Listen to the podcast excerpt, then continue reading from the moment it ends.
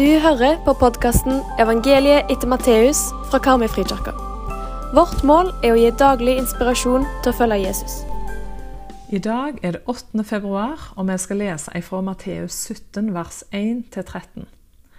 Seks dager etter tok Jesus med seg Peter, Jakob og Johannes, bror hans, og førte dem opp på et høyt fjell, der de var alene.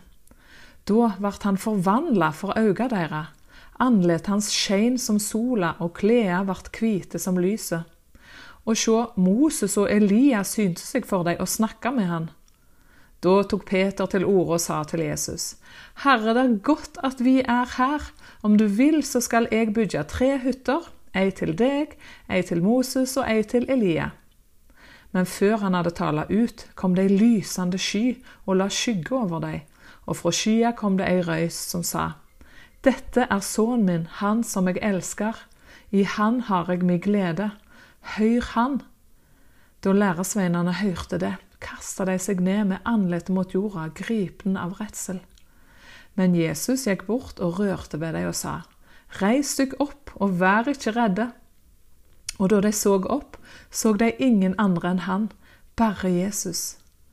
På veien ned fra fjellet bød Jesus dem. Fortell ikke noen om dette synet før menneskesonen har stått opp for de døde. Da spurte læresveinene, hvorfor sier de skriftlærde at først må Elia komme? Jesus svarer, Elia skal nok komme og sette alt i rett skikk. Ja, jeg sier dykk, Elia er alt kommet, men de ville ikke vite av han, og gjorde med han som de ville. På samme måten kommer de òg til å la menneskesonen lie. Da skjønte læresveinene at han taler til dem om døyperen Johannes. Denne fjellturen altså, det må ha vært en skikkelig sånn starstruck opplevelse, tenker jeg. De har gått og traska i lag og kanskje snakket om ting og tang og løst og fast. Og så er de kommet opp, og kanskje de skal nyte utsikten. Og så skjer det. Jesus blir forvandla. De bare ser at ansiktet hans blir sett som et stort lys, og klærne hans det er jo skinnet.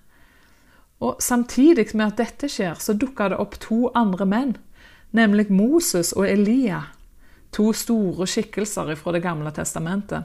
Moses som er en representant for loven, han som fikk de ti budene. Og Elia som en representant for profetene. Han hadde jo vært en slags konkurranse med Baal-profetene for å bevise at Gud er den sterkeste Gud. Men ikke nok med det.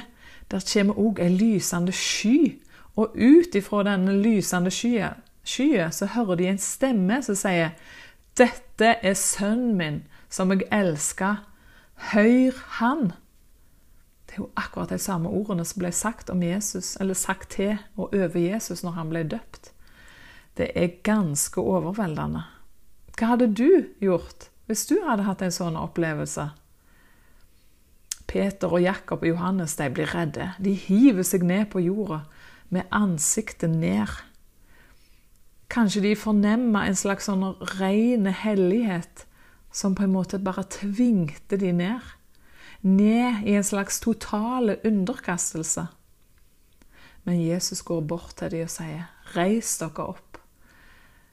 Jeg lurer på om det er som man akkurat som vil si til dem at dere trenger ikke være redde, for jeg er jo her. Og jeg representerer nåden og evangeliet, de gode nyhetene. Peter foreslår at eh, skal vi bygge tre hytter her, ei til hver, ei til Moses, ei til Elia og ei til deg, Jesus. Det høres jo litt sånn malplassert ut. Og når Lukas forteller denne i sitt evangelium, så sier han at Peter ikke visste hva han sa. Og kanskje han ikke gjorde det. Eller kanskje han bare hadde så lyst til å bli i denne fantastiske opplevelsen, dette øyeblikket, og slå seg ned der, liksom. Av og til så kan vi jo ha sånne fantastiske opplevelser, kanskje gudsopplevelser, og så har vi lyst bare at det skal vare. Men så må vi gå videre. Disiplene de jo måtte ned ifra fjellet, ned ifra denne opplevelsen. Uansett så virka det som om Jesus ønsket at Peter og Jakob og Johannes skulle få en djup erfaring og en slags bekreftelse på at han virkelig er Messias, Guds sønn. Han er ikke bare en vag idé eller fantasi. Han er både sanne Gud, og han er sant menneske. I ettertid så skrev Peter om denne opplevelsen. I det andre brevet sitt så står det Han sier da For vi fulgte ikke klokt uttenkte myter da vi kunngjorde for dykk vår Herre Jesu Kristi makt og Hans komme. Nei, vi var øyenvitner og så Hans guddommelige velde. Vi hørte sjølve denne røysa komme ned fra himmelen når vi var sammen med Han på det hellige fjellet. Så Peter glemte nok ikke denne opplevelsen. De var øyenvitner. Gud sier til disiplene og til oss, hør Han. Hva vil det si for deg og for meg? Hva slags spor av Guds nærvær ser du i ditt liv? Livet som Jesu disippel vil for de fleste innebære både oppturer og nedturer, inspirerte øyeblikk og kamp med tvil. Men målet og hensikten for livet på jorda står likevel fast.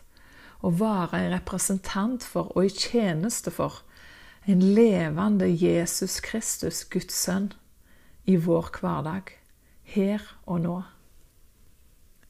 Vi ber. Evige Gud, du som har skapt himmel og jorda og hav og alt som er i deg, og så gjennom alt godt du gjør, vitne om at du fins. Vi priser din storhet, og vi ber for denne dagen. Omvend oss til deg, som ikke går våre egne veier, og fyll hjertet vårt med den gleden som gjør våre liv til en duft av Kristus i verden. Må Guds fred, som overgår all forstand, bevare våre hjerter og våre tanker i Jesus Kristus. Amen. Vi håper du blir med videre for å lese hele evangeliet etter Matteus sammen med oss. Leseplanen finner du på våre nettsider.